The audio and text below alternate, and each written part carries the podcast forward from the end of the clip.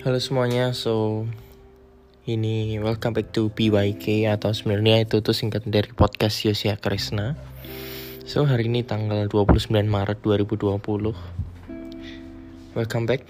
This is my first ever podcast yang ada topiknya. Kalau sebelumnya itu kan cuma introduction. On this day aku bakal cerita tentang eh sabar sebelumnya Semoga wabah corona ini semakin hari semakin cepat membaik, nggak tambah korban. Kita berdoa bersama, and hope these things getting better lah every day, ya kan? Kita juga berharap yang terbaik lah buat semuanya. So today I want to talk about my first ever getting a job atau hidup sebagai a workers di dunia kerja wis. So awalnya bulan Desember aku udah left from Singapore. Dan setelah itu Januari Februari aku nganggur. Januari aku dinyatain lulus dikirim email. So di situ aku jadi very fresh graduate.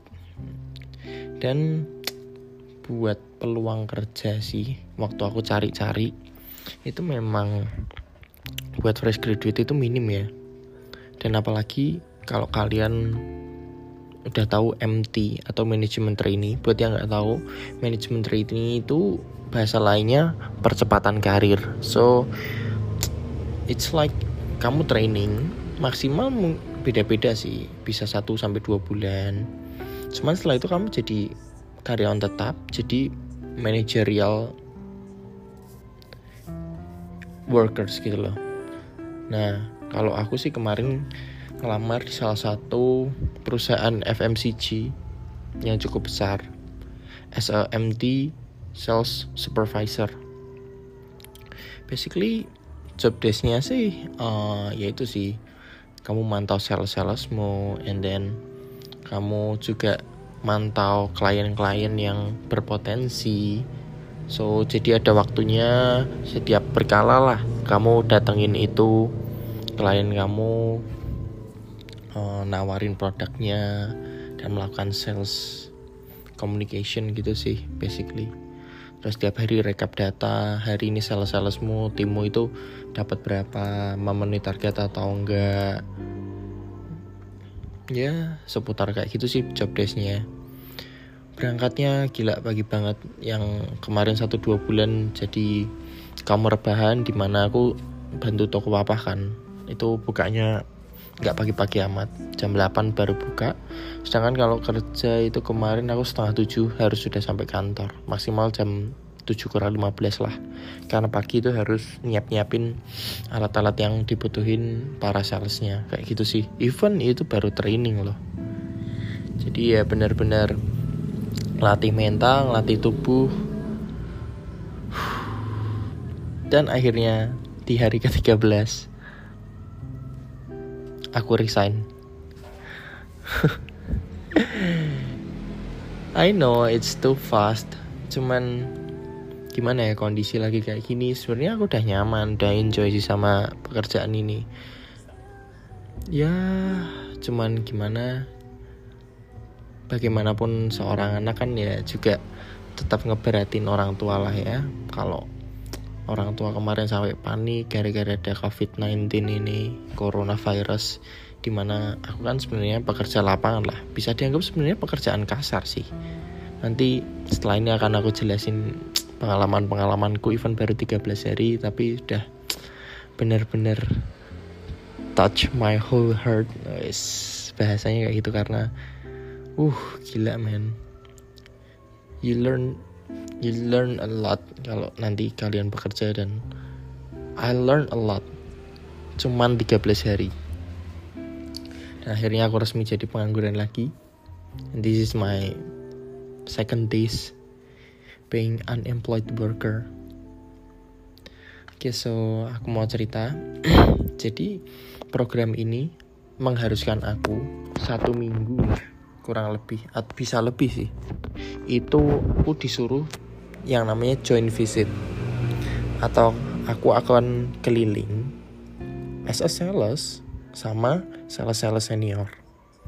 Satu tim itu ada 9 orang sih di tempatku. Kayak gitu sih. Dan aku paling muda di antara mereka. Sedangkan if I can survive two weeks more aku sudah lepas training dan aku bakal ada pelatihan lagi setelah itu aku bisa membawai mereka. Gila baru umur 21 tahun ya enaknya percepatan karir itu kayak gitu. Cuman ya kamu harus prepare yourself benar-benar maintain yourself lah istilahnya. Kamu kalau aku bilang sih di dunia sales as a supervisor ya kamu harus pintar-pintar tempatin diri juga sih sebagai teman salesmu tapi juga atasan dari salesmu juga karena in this situation kamu butuh mereka, tapi mereka juga butuh kamu. Tapi kalau mau di compare itu sebenarnya supervisor yang butuh sales sih. Kayak gitu sih posisinya. Tapi bagaimanapun kalian sebagai atasan nanti kalau misalkan kalian bekerja as a supervisor atau manager ya kan sebenarnya aku bingung sih mau mulai dari mana. Jadi ada 9 orang sih. Basically ada 9 orang di dalam timku. Jadi setiap hari aku berangkat jam 8 pagi pulang itu pasti jam 5 sore. Udah itu di jalan terus. Sampai aku baru sadar tiga hari pertama itu aku nggak makan siang. So once a day itu sarapan doang setelah itu berangkat keliling cari tuh kejar tuh target. Keliling cari toko cari warung jualin produk. Sampai jam 5 balik kantor baru inget oh iya ya belum makan siang. Dan baru inget siang itu cuma beli bakso 2000 jadi satu hari itu pengeluaran cuma maksimal 15 ribu. Buat makan pagi sama siang itu entah dapatnya nyemil apa sih. Itu tiga hari hari keempat aku mulai maintain lah. Aku bilang ke salesku eh hari ini siang tetap makan ya soalnya wah gila pusing banget. Sampai soalnya kan aku juga punya mah. Jadi harus pinter-pinter atur waktu aja sih kayak gitu. Awalnya kerja ekspektasiku sih wah kerja nih bakalan asik. Pengalaman baru teman baru lingkungan baru punya gaji ya kan dari keringat sendiri loh. Wah such a huge expectation sih sebenarnya. Di akhir bulan ini dapat gaji cuman ya it's not a matter of money lah. Tapi lebih baik jaga kesehatan dan prepare myself buat ke depannya di kondisi yang saat ini sedang nggak karuan gini ya kan? Kalian juga stay safe di luar sana sebenarnya kalau dari diriku sendiri sih aku orang yang uh, gampang buat bergaul lah ya. Buat yang kenal pasti kalian tahu aku juga gampang cerita gampang komunikasi dan beradaptasi lah menurutku loh ya pribadi. Kalau struggle yang kemarin sih aku nggak ada karena memang at first aku memang suka sama kerjaan lapangan ini gitu loh aku suka mantau sales aku suka marketing aku suka ketemu orang aku suka nawarin barang karena that was my place gitu loh Nah, buat kalian yang belum nemuin passion kalian, sebenarnya passion itu ya harus dicoba-coba sih. Sampai sekarang pun aku nggak bisa bilang kalau sales atau menawarkan atau negotiate with someone itu passionku. Aku juga nggak bisa ngomong itu passion sih. But I'm enjoy. Aku enjoy sama kegiatan itu gitu loh. Oke, okay, so dari 13 hari ini pengalaman yang nggak bisa lupain sih. Satu hari makan dua kali. Naik motor nggak bawa jas hujan. Dari luar sampai daleman basah gara-gara kena hujan sampai kering jadi waktu hujan deras naik motor basah kuyup itu belum nutup target. And then nunggu itu hujan reda sampai celana kering itu keliling sampai jam lima setengah enam aku ingat banget persis. Dan itu posisi belum makan gila. Akhirnya bisa dapat target terus sampai sampai tempat tinggalku. Aku cuman mikir man life hits me so hard. Gila banget. Itu baru hari keempat atau kelima loh. Sedangkan sales-sales yang lain itu kerja setiap hari. Ada yang sudah tahunan ada yang setengah tahun juga ada. Dan mereka itu tiap hari kayak gitu. Ya memang itu namanya kerja. Annya mereka job desknya mereka. Mereka nggak ngeluh. Cuman di sini aku juga awalnya sam sampai sekarang aku mikir tuh sebenarnya aku tuh nggak ngeluh. Cuman aku kepikiran aja kok. Aku tuh kayak nggak pernah bersyukur sama what God give me this kind of life gitu loh. Aku nggak bayangin kalau aku jadi mereka sih. Jadi aku mau cerita dari satu sisi sudut pandang ya. Ada satu bawahanku ini. Sebut aja ya mas mas bla bla bla gitulah. Nah si mas ini punya istri. Istrinya ini lagi hamil. Wow excited dong. Aku ajak cerita oh gimana kondisi istri ya ini masih kerja mas. Gini gini gini gini gini. Oh lah anaknya cowok apa cewek mas? Aku tanya gitu kan.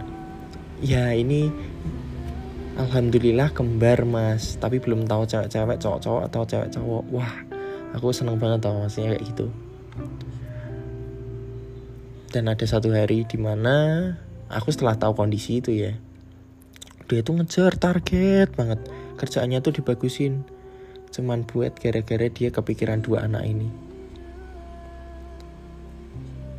Dan satu hari aku ngitung ya di HP ku. Aku naik motor duduk harus liatin jalan. Kamu kalau naik motor kalian kalau naik motor ngantuk ketiduran digas dikit ya jatuh. Kalau mobil mah amit-amit mentok ketabrak. Kalau ini bener-bener jatuh di jalan makanya kamu harus jaga kondisi kalau naik motor. Itu juga aku kemarin tak betah-betahin kalau sampai pas capek banget tuh. Dan aku nggak bayangin mereka setiap hari kayak gitu sih. Ya dia cuma bilang ke aku kayak gini. Mas aku ini nyambut gawe makaryo keras kau ini saat niat niatku yo jadi mek goro-goro kanggo istri tok sih. Aku iso dong ya mikiri uripku. Jadi dia bekerja keras itu cuma mikirin istrinya doang sama dua anaknya yang ada di perut istrinya. Dan dia nggak mikirin dianya sendiri. Dia nggak makan siang guys. Bukan karena dia nggak mau makan dan eman-eman uang tapi karena he don't have time to spend on lunch gitu loh. Even aku sampai akhirnya aku ngikutin polanya dia aja sih. Asal waktu dia jajan aku bakal jajan. Cerita isi terus perutku. Sama dia aku tiga hari sih join visit. Dan ikut dia tiga hari sih. Dan aku belajar dari dia kalau kalau kehidupan tuh nggak bisa terpancang terpaku dan dunia ini nggak bisa berputar buat kamu sendiri gitu loh karena setiap hal itu ketergantungan berkesinambungan dan semua semuanya itu harus benar-benar balance dia berkorban untuk istri dan dua anaknya karena bertanggung jawab. Si istri menjaga buah hatinya di dalam kandungan dengan bertanggung jawab juga. Sebagai istri yang baik, ngerumati merawat suaminya. Orangnya bersih, dan aku yakin itu maksudnya ada kerapian yang dia pakai itu di balik itu ada istrinya, ya kan? Men, satu hari dia cuma dapat uang makan 10 ribu uang bensin 15 ribu gaji UMR Sabtu masuk. I mean kayak kalian-kalian ini teman-temanku ya maksudnya uh, kita tuh harus benar-benar bersyukur sih. Gila kemarin waktu aku lihat gimana orang bekerja situasi kondisinya itu aku benar-benar bersyukur sih men satu hari cuma dapat 25 ribu tapi taruhan nyawa di atas motor. Bayangin satu hari 40 km loh. Aku duduk di atas motor. Itu pengalaman beneran sih. Mending kalau touring di jalanan besar naik motor yang enak. Naik naik motor bebek naik motor mio. Jalannya genjil-genjil karena uh, aku itu ada di kelompok uh, yang memasarkan produk-produk ini ke tempat-tempat kecil. Fungsinya distribusi ke tempat-tempat kecil gitu loh. Jadinya aku bener-bener masuk kampung. Sampai uh, mungkin kemarin itu waktu kerja itu tentu my first time lihat secara dekat tambak. Lihat secara dekat belakang pabrik. Lihat secara dekat limbah itu tuh kayak apa. First time juga lihat orang itu mancing. Mancing tapi di sebuah cekungan karena banjir gitu loh. Jadi hujan deras banjir banyak cekungan-cekungan yang agak dalam di sebelah jalan raya gitulah. Dibuat mancing. Dan oke okay, this is life. This kind of new life yang aku baru tahu gitu loh. Dan mereka setiap hari di situ aku bersyukur banget sih. Ya itu dari salah satu mas-mas yang ada di bawahku kayak gitu sih. Ada satu lagi yang aku mau cerita. So ini orang yang berbeda ya orang yang lain. Cowok juga. Belum ada 30 sih paling 25 26 satu istri satu anak. Dia punya istri di rumah punya anak di rumah jadi kerjaannya itu di Semarang rumahnya itu di Salatiga masih sana lagi. So he need to takes satu setengah jam naik motor dari rumah ke kantor setiap hari. Setiap hari. Dan aku tanya loh mas apa ya sampean tuh nggak ngekos aja Mas Yos yang nggak cocok sama Mas Yos kalau saya nggak kos lah anak sama istri di rumah mending saya ngelaju. Cuman uang bensin. Saya lagi. Dan aku kaget sih. Dia itu lulusan S1 loh. Tapi dia nggak punya pilihan lain you don't have chances gitu loh. Karena sekarang dunia kerja lagi susah. Apalagi ada wabah kayak gini. Di satu sisi memang perusahaan lagi cari orang mungkin gara-gara wabah ini. Tapi di satu sisi juga banyak yang di PHK di satu sisi juga apa kamu berani kerja? Apalagi yang kerja lapangan ya kan? Semua ini jadi pemikiran orang banyak nggak cuman gara-gara wabah ini sih. Tapi maksudnya benar-benar yang namanya menerima pekerjaan itu menurutku juga ada semi hoki-hokian sih. It's kind of lucky draw gitu loh. Kayak gitu sih. Jadi semua yang kerja di sana itu ada tujuan dan dari sini aku belajar kalau hidup tuh harus ada tujuan. What brings you there gitu loh. Apa yang membawamu ke sana? Kamu OTW kamu punya kendaraannya kamu punya bekalnya kamu punya arahnya tapi kamu nggak punya tujuannya. Kamu juga bingung kapan mau berhenti? Kapan mau jalan kapan harus ngegas kenceng kapan harus ngegas pelan ya kan? Jadi balik lagi sih kalau mau bicara tentang passion kamu harus jalani dulu perjalanannya. Menurutku sih kayak gitu loh ya. Maksudnya ini aku juga anak bawang barusan kerja ya kan? Cuman kamu bisa merasa enjoy Di hari ke 5, 6, 7, 8, 9, 10 sampai ke 13 Aku loh nggak ngerasa yang namanya di motor Ada satu hari itu kantorku itu di daerah Ngalian if you know guys. Di Gatot Subroto. Sedangkan aku keliling itu ke Meranggen. Udah sampai welcome to Kabupaten Demak. Selamat datang di Kabupaten Demak. Kamu tahu jalan ke sana itu 30 km bolak-balik 60 km belum aku keliling-keliling ke dalam kampungnya itu. Jadi 9 jam kerja lah kira-kira. Di atas motor makan pun kalau inget. Dan sampai terlatih ini aku. Jadi sehari cuman makan dua kali. Pagi banget siang sampai sore waktu kerja itu cuma nyemil-nyemil waktu keliling di warung. Warung ada roti ya udah beli roti.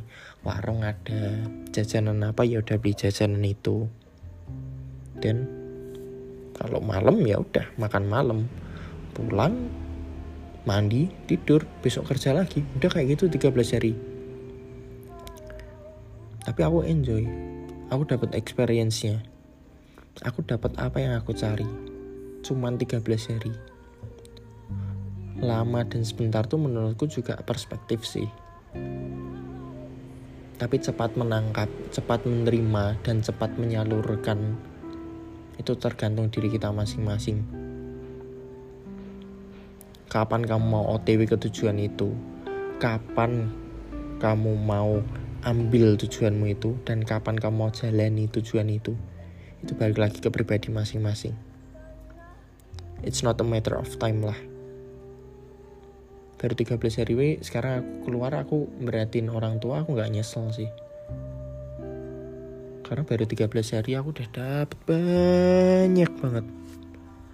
Banyak banget pengalaman. Belajar gimana rasanya bersyukur tiap pagi cuman pasang jaket naik motor kena panas. Itu udah keringetan dulu udah pasti mandi keringet. Udahlah satu jam 30 menit itu wis mandi keringat sampai saking konyolnya nih ada kejadian ini lucu sih. Entah buat kalian lucu apa enggak tapi kalau mau ketawa ya udah. Jadi at a time aku naik motor. Lewat ini sih jalur pantura itu. Pantura sampai arteri kan lawannya kan bus-bus sama truk-truk gitu ya aku ngobrol sama salesku. Aku kan diboncengin nih ngobrol. Lah aku ngerasa loh di mulutku nih kok kayak ada kopi-kopi gitu loh. Kayak ada biji-biji nggak jelas gitu loh. Sampai tak kunyah tak lepeh tak kunyah tak keluarin tak kunyah tak keluarin. Nah kok nggak habis-habis? Ternyata tuh apa tuh guys? Ternyata tuh selama aku naik motor aku ngobrol lah pasir-pasir yang ada di jalan itu kan masuk ke mulut nah. oke okay. You know right? It's so funny tapi ya itu sih. Ngakak sih. Jadi gitu sih guys. Sekali lagi aku mau ngingetin kalau melangkah itu bagus. Persiapan itu hal yang sangat benar. Mempersiapkan perjalanan itu sudah paket komplit lah. Cuman kalian harus ingat kalau kalian harus punya tujuan gitu loh kalian harus punya sesuatu yang apa sih yang kamu cari tuh? Oke okay lah kalian bisa bilang aku harus jalani dulu baru aku tahu apa yang aku cari. Nah itu juga benar boleh. Cuman alangkah lebih baiknya kalau kalian itu jalan tapi kalian tuh tahu apa yang kalian cari. Pengalaman uang membahagiakan orang tua kalau yang berkeluarga kan membahagiakan istri membahagiakan membahagiakan orang yang disayang lah istilahnya. Kayak gitu sih paling.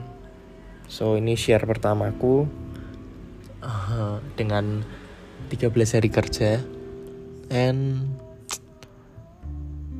hopefully kalian enjoy this podcast dan nangkep apa yang aku omongin. Gitu sih. Maaf jika ada salah kata ataupun sesuatu yang mungkin gak berkenan di pendengaran kalian dan hati kalian ya aku mohon maaf. Semoga podcast ke depannya di podcast Yosia Krisna ini BYK makin uh, aku improve lah. Itu sih. Thank you for listening and stay safe di luar sana.